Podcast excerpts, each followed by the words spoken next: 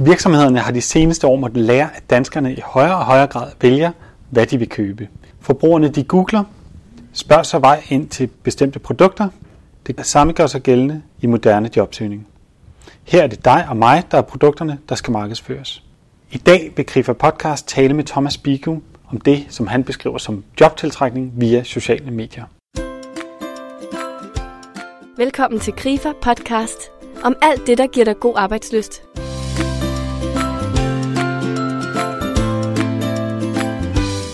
Ekspert i sociale medier og positionering, Thomas Bigum, giver dig i denne podcast konkrete råd til at hjælpe dig med, hvordan du kan markedsføre dine kompetencer. Med sin baggrund i marketing har Thomas Bigum de seneste år sat jobsøgning via sociale medier i et helt nyt lys, hvor det er kandidatens kompetencer, der bliver solgt ligesom virksomhedens produkter. Hundredvis af interesserede har allerede ved kurser og foredrag lært at se på jobsøgning som en markedsføringsopgave – så efter du har lyttet til denne podcast, vil du være klædt på til at angribe opgaven på en helt ny måde. Mit navn er Ulrik Skovgaard. Jeg har sat Thomas Spikum i stævne på hans kontor i Ørestaden i København, hvor vi skal have os en snak omkring jobtiltrækning. Velkommen til. Jeg hedder Thomas Bigum og har en virksomhed, der hedder Bigum Co. Vi øh, gør to ting. Vi hjælper virksomhederne med at markedsføre sig, og så som den anden ting laver vi kurser og foredrag for virksomheden. Det er sådan set egentlig de samme to ting, spundet over samme emne. Det er kun et spørgsmål om, virksomheden vil købe det som rådgivning, eller de vil lære det selv. Og det er markedsføring, det handler rigtig meget om. På nettet som helhed. Det hedder online marketing, men nettet er betegnet efterhånden, som er, roterer rigtig meget om de her sociale medier. Det er der, vi ligger. Og en af de ting, som du har arbejdet med i forhold til marketing, det er jo det her med, at måske skal vi til at markedsføre os selv som ja. produkter. Jamen det skal vi ikke engang måske. Nej. Altså det skal vi ikke, det skal man. Og, øhm, og den tager sit udspring i, når man, når man tager en betragtning af, hvad sociale medier egentlig er for en størrelse. Og det kan vi godt prøve at starte lidt på, for at lægge et fundament. Mm. Øhm, det handler om mennesker. Alting roterer rundt om menneskers profiler i det, vi kender som sociale medier. Og det er altså et anderledes internet, end internettet var for 10 år siden, tilbage i en periode, der måske går fra 2000 til 2005, hvor alting, so to say, roterede rundt om hjemmesider, og det var hjemmesidernes adresser, www det ene og www det andet. Man tastede adresser for at, at se på nettet. Det var det, man gjorde. Nu derimod, altså i kontrast til det, der går man på nettet og møder mennesker. Mm. Rigtig mange mennesker har deres øh, øh, masser af deres internetoplevelser ved at åbne en størrelse som Facebook. De surfer ikke som i gamle dage. De hopper ind i et menneskemylder og ser, hvad folk taler om. Og der er altså en signifikant forskel fra at surfe på nettet og klikke fra hjemmeside til hjemmeside til hjemmeside. Holdt op imod at hoppe ind i Facebook og læne sig lidt tilbage og se, hvad der flyder forbi. Facebook er jo en størrelse, hvor tingene flyder forbi. De ting, der flyder forbi, det er det, vores venner taler om. Altså vores Facebook-venner. Mm. Um, og det betyder jo så det her nye internet. Det betyder, at når det roterer rundt om mennesker, så ligger der noget nede i, i værktøjskassen, i livets store værktøjskasse, der hedder personlig branding som nok altid har ligget dernede, men i forrige århundrede, altså i, i 1900-tallet, ikke har været noget for den almene, det almene menneske. har ikke været noget, man, man skulle dyrke. For at nævne noget, alle kan relatere til, så kan vi nævne sådan nogle 90'er-fænomener som Claus Meier, der den dag i dag har altså en stor mogul inden for, for mad og fødevarer, deli og bagerier og det hele. Han er jo sådan en 90'er ting, hvor det handler om personlig branding dengang. Ikke? Johan Ørting har også sit personlige branding. Øh, Chris McDonald er et andet eksempel på det her, som, som lidt hidrører en tid før sociale medier. Så kommer de her sociale medier så, og internettet bliver mennesker, mennesker, mennesker, mennesker. Der kan man så sige, at det bliver allemands eje, det her begreb. Altså, at alle bør tænke på det på en eller anden, øh, i en eller anden udstrakt grad. Jeg kan vente den om og så sige, som jeg jo så også indledte med at sige det, at det skal alle tænke på. Øh, det, det er der, vi, vi, vi indfinder os nu i en virkelighed, hvor øh, man ikke kan undsige sig det. Jeg kan ikke komme og sige til folk, at de skal tænke på personlig branding, men jeg kan i hvert fald stå tilbage og sige, du kan ikke undsige dig, at du i 2014, 15, 16 op mod 20 har et personligt brand. Og så er det defineret af, hvor meget du gør ved det. Så hvis modparten siger, det gider jeg ikke interessere mig for, det lader jeg ligge. Når men så har du et personligt brand, det er bare ikke så dyrket. Og det betyder, betyder ikke, at det så er skadeligt, og det er, det er dumt ikke at røre ved personlig branding. Det er et øh, frit valg, fuldstændig frit valg det, der ligger mig meget på sinden, og lad det være det sidste sagt på det her tema, er, at når nu man har muligheden for at gøre noget ved sit personlige brand øh, og hæve noget potentiale i det, så synes jeg, at man skylder sig selv at prøve at se nærmere på det. Og hvad har det her personlige online brand at gøre med, når vi skal skifte job ja. eller søge nyt job? Jamen det er jo her, hvor der, står, der slår sådan en, en spændende, spændende gnist, øh, synes jeg selv i hvert fald. Det er noget, jeg brænder meget for. Det er, at jeg jo kommer af en marketingbaggrund fra en planet, der handler om marketing, marketing, marketing for, for virksomhederne. Så, så, så bliver jeg trukket lidt ind i dagpengeland via nogle kurser for ledige. Jeg har fået det her med, med, med jobsøgning meget, meget, meget tættere på, end jeg havde for bare et år to år siden.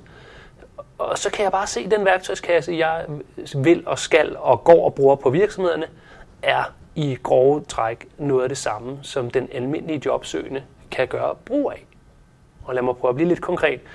Altså en, øh, en hver, der, der søger job, eller man kan sige, er aktivt øh, til stede i jobmarkedet. Måske har man et job, men man er aktiv, semi-aktiv jobsøgende ved at holde øje med markedet. Det er jo en markedsføringsopgave. Lige fra den uopfordrede ansøgning til den ansøgning, der passer til et jobopslag, eller helt over den anden ende af spektret til headhunting, der taler vi om, at et produkt, personens kompetencer, skal markedsføre over for en køber, og det er arbejdsgiveren. Og så kan jeg åbne min værktøjskasse, og det nyder jeg meget i øjeblikket, og, og inspirere på at åbne den værktøjskasse til folk, der, der står hungre efter noget, der handler om, hvordan søger man job via sociale medier, eller hvordan øhm, får man job via netværk. I den sammenhæng kan vi huske på, at sociale medier er jo også netværkeri. Så der er jo en meget, meget tæt forbindelse her til, til det at søge job og få job og komme i betragtning til job. Kunne man forestille sig, at i, for et par år siden, der øh, foregik det meget sådan, at jeg ser et jobopslag, og så søger jeg et job, og ellers øh, kender jeg en af mine kollegaer, der lige havde et job. Hvordan er det, ser det anderledes ud nu? Jamen, det ser anderledes ud, fordi at det der med at kende folk, der kender folk, det er simpelthen bare kommet tilbage på steroider. Det er kommet tilbage som et stort monster, hvor man til sammenligning, hvis man har sammenlignet årtierne, jo har haft et netværksstørrelse på, der er selvfølgelig forskel fra person til person, men for en 10-15 år siden har det sådan, jeg har et stort netværk.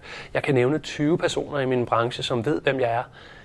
Det er jo i en 2010'erne virkelighed blevet et, et 100 tal, stort tal. Hvis man dyrker noget LinkedIn og husker at, at passe og pleje sit digitale netværk med de faktisk få sekunder, det kræver at koble op og connecte med folk, man har mødt på en konference eller haft en kundeoplevelse med, så bliver det bare sådan, at netværkeri er det samme, som det har været, bare gange 10 eller gange 100. Ikke? Og, øhm, og det er altså det, det, som jeg ser er forskellen på de billeder, vi har fra, fra tidligere tid til nu. Um, at der er noget, der altid har været gældende, men det er tilbage med meget større kraft. På baggrund af ankomsten af de sociale medier. Når jeg sidder og skal søge et nyt job, mm-hmm. hvad skal jeg så gøre for at Slip for at skrive en jobansøgning? Ja, når du skal søge et nyt job. Se, jeg kan jo, elsker jo i øjeblikket at angribe den med søgning, den del af ordet af jobsøgning, der, der handler om at søge. Øh, og prøve at flippe den lidt og kalde det jobtiltrækning. Og lad mig prøve at lægge flere ord i, i, i den betragtning. Når, og jeg bliver nødt til at starte over i marketingland på min egen planet, markedsføring. Øhm, vi arbejder her i virksomheden rigtig meget med at hjælpe virksomhederne med at tiltrække deres kunder. Og det gør vi, fordi på sociale medier, det moderne internet, dem der larmer, øh, støjer og reklamerer ind i sociale medier, de er typisk ikke velkomne i samme grad som dem, der tager det lidt roligt og fokuserer på at være lækre nok til at tiltrække. Så det er altså det første, jeg bliver nødt til at sige, at, det, at den forskel, man skal kunne se mellem at søge øh, sin, sin opmærksomhed eller at tiltrække sin opmærksomhed. Og implicit i ordet jobsøgning er det jo at tage sine kompetencer og søge noget opmærksomhed, så man kan sælge de her kompetencer til nogen. Lad os flippe den om ved brug af de teknikker, vi bruger i markedsføring. Jeg har kompetencer, men jeg skal ikke lave uaffordrede ansøgninger og forstyrre folk. Jeg skal lægge mig til rette og tiltrække opmærksomheden, så det er øh, gensidig værdi, der opstår i, øh, i, i forbindelsen til den potentielle arbejdsgiver. Det var, lige, det var lige et fundament for at sige det næste. For dit spørgsmål er, hvad skal jeg så gøre? Jamen, ja, men næste spørgsmål kunne være, hvad, hvad skal man så gøre for at tiltrække sig? Ja, fordi hvad er det så, man skal gøre ud fra de her tankegange? Og det er jo, altså i udgangspunktet er talte vi om det i starten af interviewet med personlig branding, det er isoleret, prøv lige at objektivt at se, hvad er jeg for en vare? Hvordan ser, hvordan ser øh, indpakningen ud, hvis jeg var en pakke cornflakes? Det, der er inde i pakken, det er mine kompetencer. De knaser, og de er gule, og man kan hælde mælk på dem og spise morgenmad. Det er rigtig godt. Men hvis vi stiller en pakke cornflakes øh, ind på markedet, der har hvide kanter, og der står ikke noget om produktet, så er det bare lidt svært for andre at se, hvorfor fanden de skulle købe de cornflakes. De, kan ikke, de får ikke nogen impulser, der er ikke nogen historie, der er ikke noget på de bløde værdier, der er ikke noget hardcore facts, der står ikke, hvor mange gram, der står ikke, at det er cornflakes, der står ikke, det er majs, og der er ikke noget image, der er ikke noget logo, der er intet af det, vi kender fra marketingens øh, verden, som man vil putte uden på sådan en æske. Ikke? Så der, der lytter med, du, du som lytter med, vil jeg bare sige, se lige på, dig, på din egen kompetence som en par cornflakes, objektivt set, når du kigger på dig selv øh, gennem nettet, altså ved en googling af dig selv, og kigger på din Facebook, som om du ikke kendte dig selv. Hvad er det så, der toner frem her? Og så lad mig komme frem til det helt, altså der, hvor vi kommer bliver konkrete. Hvad skal man gøre her? Jeg synes jo helt konkret, at man burde, det burde være en, altså en no-brainer, kalder vi det, når man ikke engang skal tænke, at det her er vigtigt. LinkedIn skal bare være up to date, altså man skal have udfyldt det LinkedIn, sådan så hvis nogen kigger, så er tingene i orden. Det synes jeg er rimelig banalt, og det er jeg ret overbevist om, at mange er enige med mig i. Men det kan undre mig, at hvis jeg hopper til Facebook, at der er nogen, der føler, at det har noget, skulle jeg sige, fordi folk umiddelbart ikke forbinder Facebook med jobsøgning. Jamen, det er jo LinkedIn, vi bruger til den slags. Der fortæller vi, hvem vi er og hvad for en uddannelse vi har. Facebook, det er til mine venner. Ja, men du kan ikke nægte, at der er nogen, der kigger på din pakke med cornflakes. Og en Facebook-profil, der sådan er lukket og kun venner må se, kan man jo også alligevel se en lille smule. Og vi må regne med, at der er nogle arbejdsgiver, der snuser. Det øh, finder man ud af bare ved at kigge i de undersøgelser, der laves om. Vi kan tage et lille spring til højre. Hvor mange arbejdsgiver googler en kommende øh, ansat? Det er efterhånden et ret højt tal, grænsende til, at det gør man bare per standard hver gang i den googling, der står jo en linket til Facebook-profilen så på, på et, et, et tvillingespørgsmål, der hedder, hvor mange tjekker af kommende arbejdsgiver tjekker en potentiel ansat. Facebook-profil tror jeg, tallet er nærmest lige så højt, fordi det er det, en googling går ud på. Ikke? Det billede, der toner frem, det store billede på Facebook-profilen, hvad siger det om dine cornflakes? Er det bare en solnedgang fra Thailand sidste år? Er det dine børn? Der viser du er et familiemenneske, eller er det et øh, billede fra Berlin Marathon, der viser du, viser du et aktivt menneske, eller er det et billede af din kamphund, der øh, har vundet den sidste sejr over en kanin, som du købte ned i Pet Zoo for sjov, ikke? Og det billede, jeg prøver at tegne, det, det, er, det har en betydning. Og det er klart, det med kamphunden er ekstremen, der skal eksemplificere min pointe. Og jeg synes, man bør øh, helt operationelt kigge på den solnedgang fra Thailand sidste år. Det kan kraftigt man gøre bedre, det der. Så hvis man har været til et seminar, et fagligt seminar, og vist, at man er aktiv i sit faglige område, så er det et rigtig godt bud at sætte op i øh, det store billede på Facebook, fordi det sender et signal, som den almindelige borger nok undervurderer. Det ved vi i marketingland. Vi putter ting i marketingland på cornflakespakker, som borgerne siger, at det har ikke nogen betydning, og vi ved bare, at det har kæmpe betydning. Borgerne siger tit, at radioreklamer, det er, jeg, jeg lytter ikke til det. Vi kan se, når man gør statistik på dem, der laver radioreklamer, kan sælge mere, så det virker. Det vi har gør her, med at gøre her, det er overbevidsthed og underbevidsthed. Ikke? Så det har en betydning, det her Facebook-billede. Det store billede, rig plads til simpelthen lige at få defineret, hvad man er en type. Jeg synes, man bør spille på sin faglighed eller på sine menneskelige kompetencer.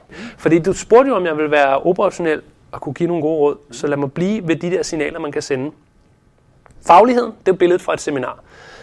Når man skriver i en ansøgning, at man er som person er jeg omgængelig, humoristisk og målrettet og resultatorienteret. Det er sådan nogle øh, violinord, de fleste mennesker skriver ind i deres ansøgninger. Ikke? Det står jo i alle ansøgningerne. Så hvad er det, arbejdsgiver skal tolke ud af dem øh, i forhold til måske bare at skimme dem? Jeg, jeg tror, vi i vid udstrækning må regne med, at arbejdsgiver skimmer de ord, for de står der altid. Hvor kan man altså, man på en powerful vis bevise det, dokumentere det? Svaret kommer her, pling. Det er der for eksempel på din Facebook-side.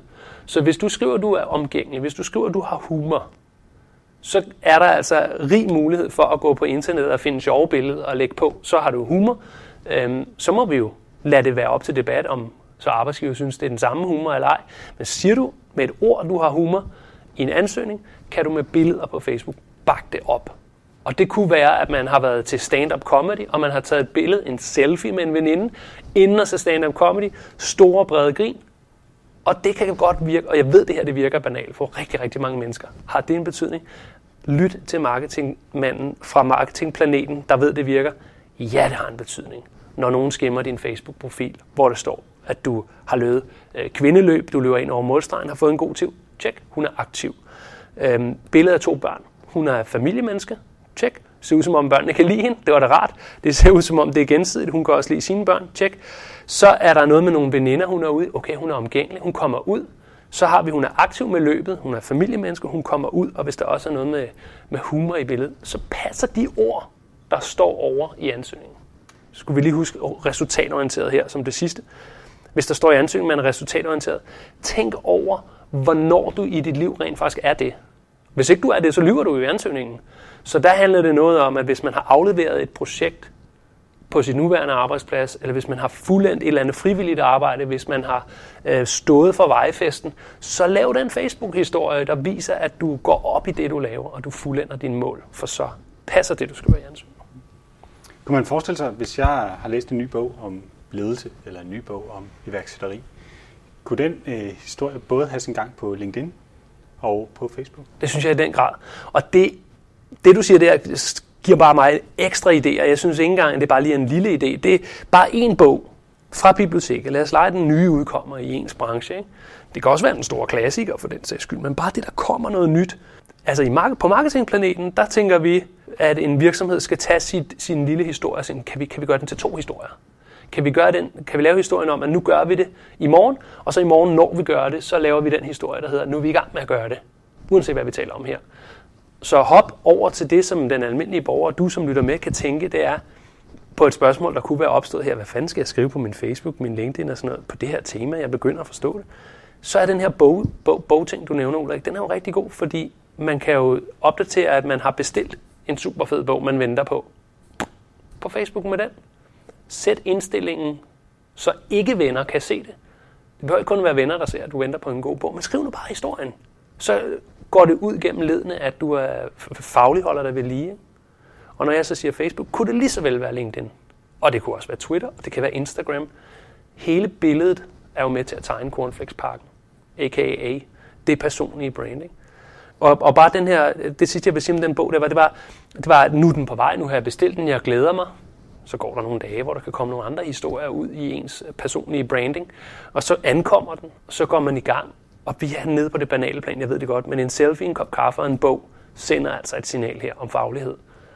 Og de små ting, mange små ting, det her er et, et princip om mange begge små, former det personlige brand, der efter seks måneder efterlader øh, venner, nuværende venner, og forbindelser på LinkedIn, og dem, der snuser med et bestemt indtryk af Cornflakesparken, som kan være radikalt anderledes fra det, der ville øh, tone frem, hvis man var ligeglad med sine sociale medier. Ligeglad enten og aldrig sagde noget, skrev noget eller på noget, eller ligeglad, hvor man bare øh, var, øh, gjorde, hvad med det passede ind, og hvis man har den her kamphund og bare lagde den på og var ligeglad og troede, det ikke har nogen betydning, så tager man altså fejl, fordi det sender visse signaler. Ikke? Sæt lidt på spidsen, noget af det, du fortæller. I en nær fremtid, så øh, slipper vi for det her med at skrive ansøgninger? Øh, det bliver et nej. Sådan kommer det ikke til at blive, og det tror jeg ikke. Jeg kan jo tale med i den her snak som arbejdsgiveren Thomas Bigum, der selv har rekrutteret. Vi, øh, som nævnt, altså vi jo ligger over og roder med et antal medarbejdere over, over 10 stykker, så vi har også haft noget afgang, så vi har vel rekrutteret, ja, plus 10 i hvert fald, ikke? Øhm, der er kun én, vi har rekrutteret hver, hver opslag. Så vi er en netværkstype lille privat virksomhed, hvor det skal gå lidt hurtigt. Men jeg ser ikke, at der indfinder sig et, et, en virkelighed i meget nær fremtid, hvor, øh, hvor kommuner agerer på samme måde, for eksempel. Altså det offentlige kan ikke agere på den her måde. Og det bør heller ikke, efter min klare overbevisning, for, øhm, for alt kommer ikke frem af sig selv. Men jeg tror helt holden på kombinationen. Og den kombination tror jeg allerede findes, altså er, i, altså er en del af den nuværende virkelighed. Uden at vide præcis, hvad der er, man gør i det offentlige, så vil det, så vil det føle Altså jeg vil synes, det var mærkeligt, hvis ikke de også i det offentlige, altså fulde reglerne, man skal slå stillingen op, man skal indkalde x mennesker til samtale. Jeg ved ikke, hvor mange regler, der er forbundet med det her, men, men der er i hvert fald nogle, nogle, nogle regler omkring det her, så det ikke vi ender i nepotisme, at man kun ansætter venner. Men lur mig om ikke, altså det er jo ikke engang lur mig om, det er ved at vide på, at der bliver prikket, hey ven, vi slår op i kommunen, søg den lige, jeg sidder i ansættelsesudvalget, det er sådan en som i dig, vi skal bruge. Det er sådan, vi agerer i det private, det sker også i kommunens sammenhæng. Så er der det med, at, at ansøgerbunken øh, ligger der klar, og så går ansættelsesudvalget bare i krig på Google, og så får de de andre informationer alligevel, så ud fra flokken af ansøgere, og ikke ud fra hele øh, befolkningen. Øh, for det store arbejde med at pille ned og finde ud af, hvem skal være vores kandidat, kan være øh, langt, alt for tungt holdt op imod med at lave jobopslaget, se hvad der kommer, og så gå i krig. Ikke? Men jeg er slet ikke i tvivl om, kombinationen finder, at man, findes, altså at man prikker lidt og beder nogen om at søge ind i flokken, og i vid udstrækning, Øh, og sådan har det jo været længe, jeg har selv prøvet at søge sådan en stilling, hvor man kan, man kan næsten se i jobopslaget, at de allerede ved, hvem der skal have den.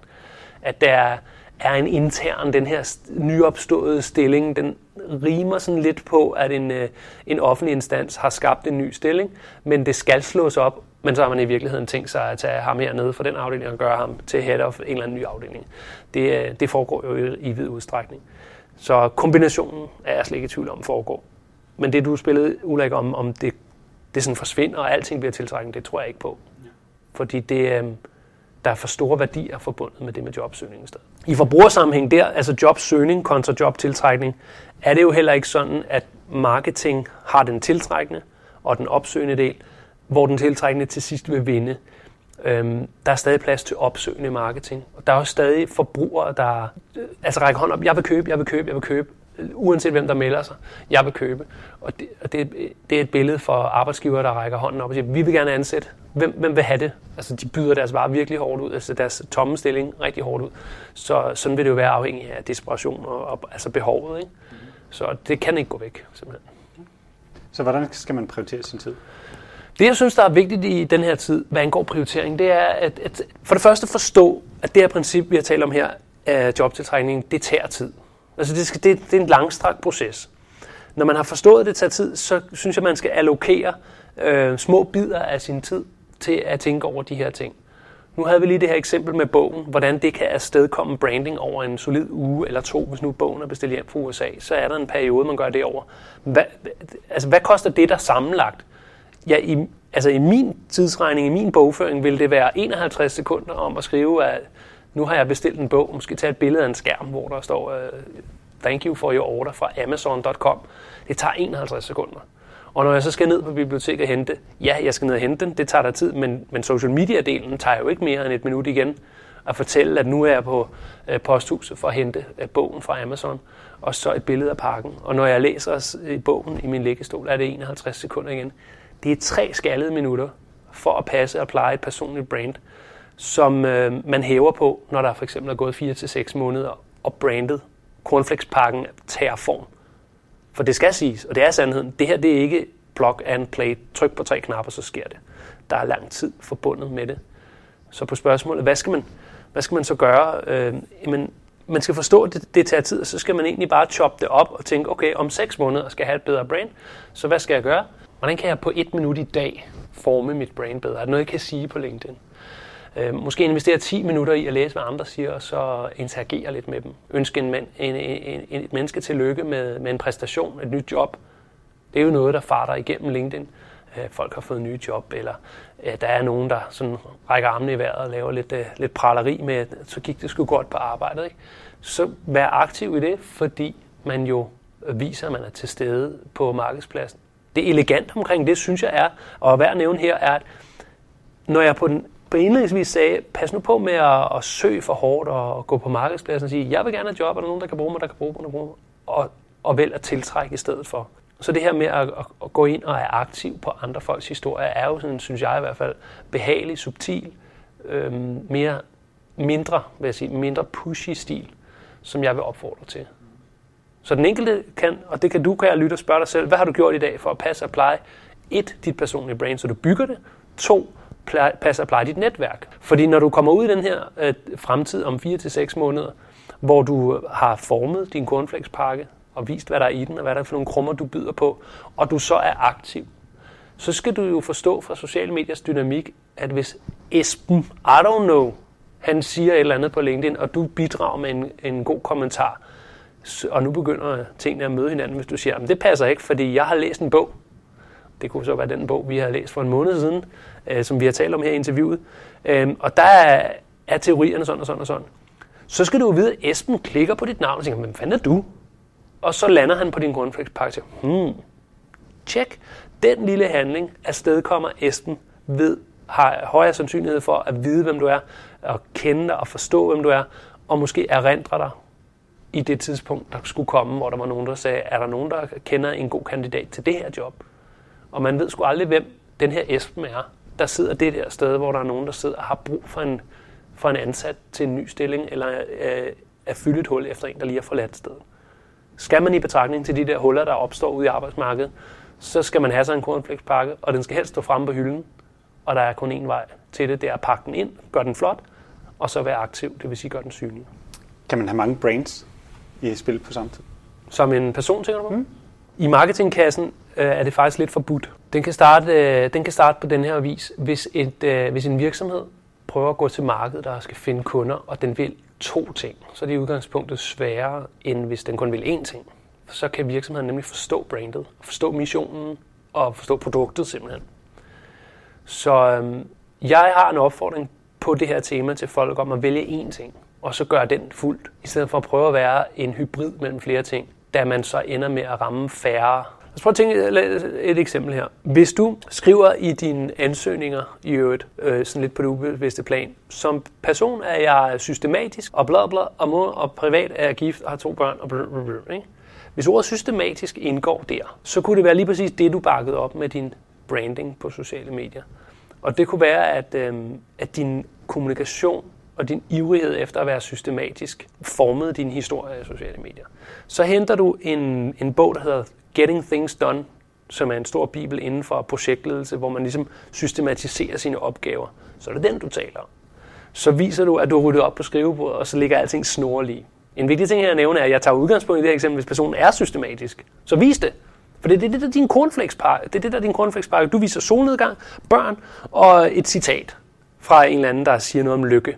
Det er jo ikke systematik. Så hvis du skriver det og er det, så vis det. Og det ryddede skrivebord det er, at jeg har hentet en bog, der hedder Getting Things Done. Det er, at jeg elsker at holde systemhistorier, der skal, øh, der skal forme det her brain. Og det, det er jeg slet ikke i tvivl om, så øger chancen for gnisten, der opstår, når man øh, ser sig selv have søgt en stilling, arbejdsgiver googler, og så toner det her menneske frem, som går op i systematik. Så sidder der en arbejdsgiver og tænker, hmm, vedkommende vil arbejde med HR. CV'et har måske også noget med HR. Øhm, systematik, det er Facebook. Så, så slår det en ret stærk gnist der. Og på det her dilemma med, om man kan være to ting, der vil jeg sige, når de er tæt nok på, så vil jeg sige, så kan man godt øhm, have noget HR og noget systematik samtidig uden problem. Det vigtigste egentlig, afslutningsvis om det her tema her, er, at man er konkurrent. Jeg tror, jeg fik det sagt. Jeg skulle ikke, fordi du lytter med her, og jeg siger det her med systematik, så sidde helt fake og, og lad som om, at det, går, du, det er vigtigt for dig, at kuglepindene ligger lige, hvis det ikke er det. For det her handler om at synliggøre det, som er sandheden. Ikke om at lave sandheden om til noget andet, den ikke er. Så skriver du, du er sportstosse i en ansøgning, så er du sportstosse på Facebook. Så giver du øh, så scorer du 0 point i de situationer, hvor arbejdsgiver er skide ligeglade med, hvad du går op i, i sport. Men hvis det en dag er øh, Adidas, der søger en projektledelse, så er der bare bingo. Og det smukke ved det scenarie er, så tænker jeg, så finder folk sgu også de rigtige jobs, altså. Hvis de synliggør de reelle cornflakes, de går rundt med som matcher det, arbejdsgiverne går og leder efter. Er der nogle eksempler, hvor at ens tilstedeværelse på de sociale medier ligesom har skadet ens karriere? Ja, men det skal vi huske i den her sammenhæng også. Men jeg er så forbandet øh, trist over, at der måske bliver malet et langt større skræmmebillede, end der behøver at være. Hvis vi bare har, har, har for, holder fornuft, altså bruger vores sunde fornuft i forhold til, at man lægger billeder på en Facebook, som alle kan se, hvor man er stangstiv. Selvfølgelig trækker det ned. Jeg skal ikke stå og, og sige, at sådan er det ikke. Men, men jeg synes, det er ærgerligt at tænke på, at der er nogen, der holder sig tilbage på grund af angst, når øh, potentialerne ligger lige for. Der er altså ikke nogen, der er døde af at fortælle, at de går på biblioteket og hente en bog, der hedder Getting Things Done. Jeg har været ude på kirkegården og tjekke øh, gravstenene. Den står der ikke. Her hviler Arne. Han gik på biblioteket og hentede en bog om systematik og opdateret på Facebook. Nu er han død her, fordi det ramte ham som en boomerang. Det gør det altså ikke. Og det er, det er jo ikke engang en risse i, i overfladen det er jo ingenting. Hvis folk døde af dårlig Facebook-kommunikation, for eksempel, så, så ville folk jo dø af de der mange kattebilleder, vi ser, og de der børn, der er klædt ud til Vestalav. Så, så jeg synes jo, at opfordringen skal lyde herfra til at komme i krig i den udstrækning grad, man kan fagne det. Stor respekt herfra, hvis man tænker, det er en stor mundfuld. Men der er altså kun én vej ud til det her øh, bedre brand om seks måneder, jeg taler om. Det er ved at komme forbi de der koldbøtter, man skal slå i starten. Men øh, rejs dig op efter koldbøtten. Den er glemt i morgen. Hvis der er en lidt kikset opdatering på Facebook, så er den glemt i morgen. I nogle tilfælde så bliver den faktisk slet ikke set af særlig mange, fordi den er kikset. Der er ikke nogen, der ser det. De ser de gode historier. Øh, nu taler jeg meget om Facebook, men jeg vil øh, bare lige indskyde her på det her tidspunkt. Hver gang jeg har sagt Facebook, kan det lige så godt være LinkedIn, eller en Instagram, eller en uh, Twitter. Sidste spørgsmål. Er der nogle typer, der er bedre på online branding end andre? Altså det bliver et ja, det bliver et ja, men det er svært så at sige hvem. Altså det er jo svært at putte folk i bås indlægsvis, ikke? Vi kan starte med en skala, som de fleste kender, udadvendt, indadvendt. Der er det ikke mit indtryk, lad mig mane den til jorden. Det er en myte, at man skulle være, øh, altså have en større fordel, hvis man er udadvendt end indadvendt. For det viser sig faktisk for gældende for vores branche her med marketing på sociale medier, at nogle af de dygtigste content producer, det er folk, der er rigtig gode bag en skærm for a reason, og det er fordi, de ikke er særlig gode live. Så bliver de skarpere til at være til stede alle steder, fordi de, det er dem, der står og glor ned i telefonen over hjørnet, når det er live nemlig. Så der er sådan en kontraintuitet i, at dem, der er ekstroverte live, er nogle gange dem, der aldrig kigger på deres telefon, fordi de netop er meget øh, omgængelige og altid står i en samtale. Så der, skal, der er en myte, der er der. Der skal man ikke føle, hvis man er i, i introvert, øh, indadvendt enden af skalaen, så det er bare ikke noget for en. Slet ikke. Så, så der er hele spektret med. Den ekstroverte kan være lige så med pistolerne fremme på sociale medier, så, så den ekstroverte falder heller ikke af her. Den skala har ingen relation, som jeg i hvert fald har erfaret det. Så kommer der øhm, en anden skala, der hedder lysten til at bidrage. Og den er måske den er, den er mere reel, og den er ikke man til ekstrovert-introvert skalaen. Generelt sigende for internettet siger man, at der er 90%, der bare kigger med. Der er 9%, der bidrager, og så er der 1%, der bidrager hyper meget. Det er snarere i den skala, man skal kigge. Er jeg en type, der tit bare føler, at jeg vil ikke lige bidrage med noget til masserne. Jeg er ikke indadvendt, jeg er ikke udadvendt, jeg er lidt midt i det hele. Men på en skala, der hedder, hvor meget bidrager jeg med til, øh, til samtalerne på nettet? Kigger jeg bare, eller bidrager jeg? Der øh, vil jeg sige, hvis man er til typen, hvis man er typen, der aldrig har skrevet en kommentar på nettet, er man lidt per default nede i den ende af skalaen, hvor det her bliver svært. For så har man jo ingen øvelse i dynamikken. Måske har man en følelse i kroppen, at man ikke bryder så meget om at lægge en kommentar for, hvad nu, hvis der er nogen, der ikke kan lide det. Jeg må hellere, må hellere bare droppe det, ikke? så sletter man det, eller tænker, hvad man skulle have sagt. Det er på den skala, hvor man spørger sig selv, hvor meget bidrager jeg, hvor jeg har en opfordring til at rykke fremad i bussen, hvis man vil det her. Hvis man kan høre mening i det, jeg siger, men aldrig har lagt en kommentar på LinkedIn, så synes jeg, man skulle se at få lagt sin første kommentar på LinkedIn. Og man må meget gerne komme og holde mig i hånden, mens man gør det, fordi jeg ved, det bliver ikke et særligt stort fald, og jeg skal ikke have forbindingskassen frem. Det kommer ikke til at koste blod og tårer at lægge en kommentar på LinkedIn. Øhm, så har man aldrig gjort det før, man kan give mening, så synes jeg, man skulle tage mit cornflakes pakkebillede og tænke, okay, om 4 til seks måneder, så gad jeg godt, at man ved at kigge på mig udefra, kan se, at jeg er den, jeg er. For lige nu, der skal man gætte, hvilket jo nok vil være det værste, for så byder man på en faktisk en solid cornflakes, en meget sprød cornflake, men man har ikke vist det til nogen. Og her siger vi tak til Thomas Bigum. Tak for alle dine gode råd, og til dig derude, rigtig god arbejdsløst med at skabe dit online brand. Husk, at øh, KIFA udgiver podcast hver uge om nye emner. Du er altid velkommen til at abonnere på vores podcast. Så herfra tak og på venlig genhør.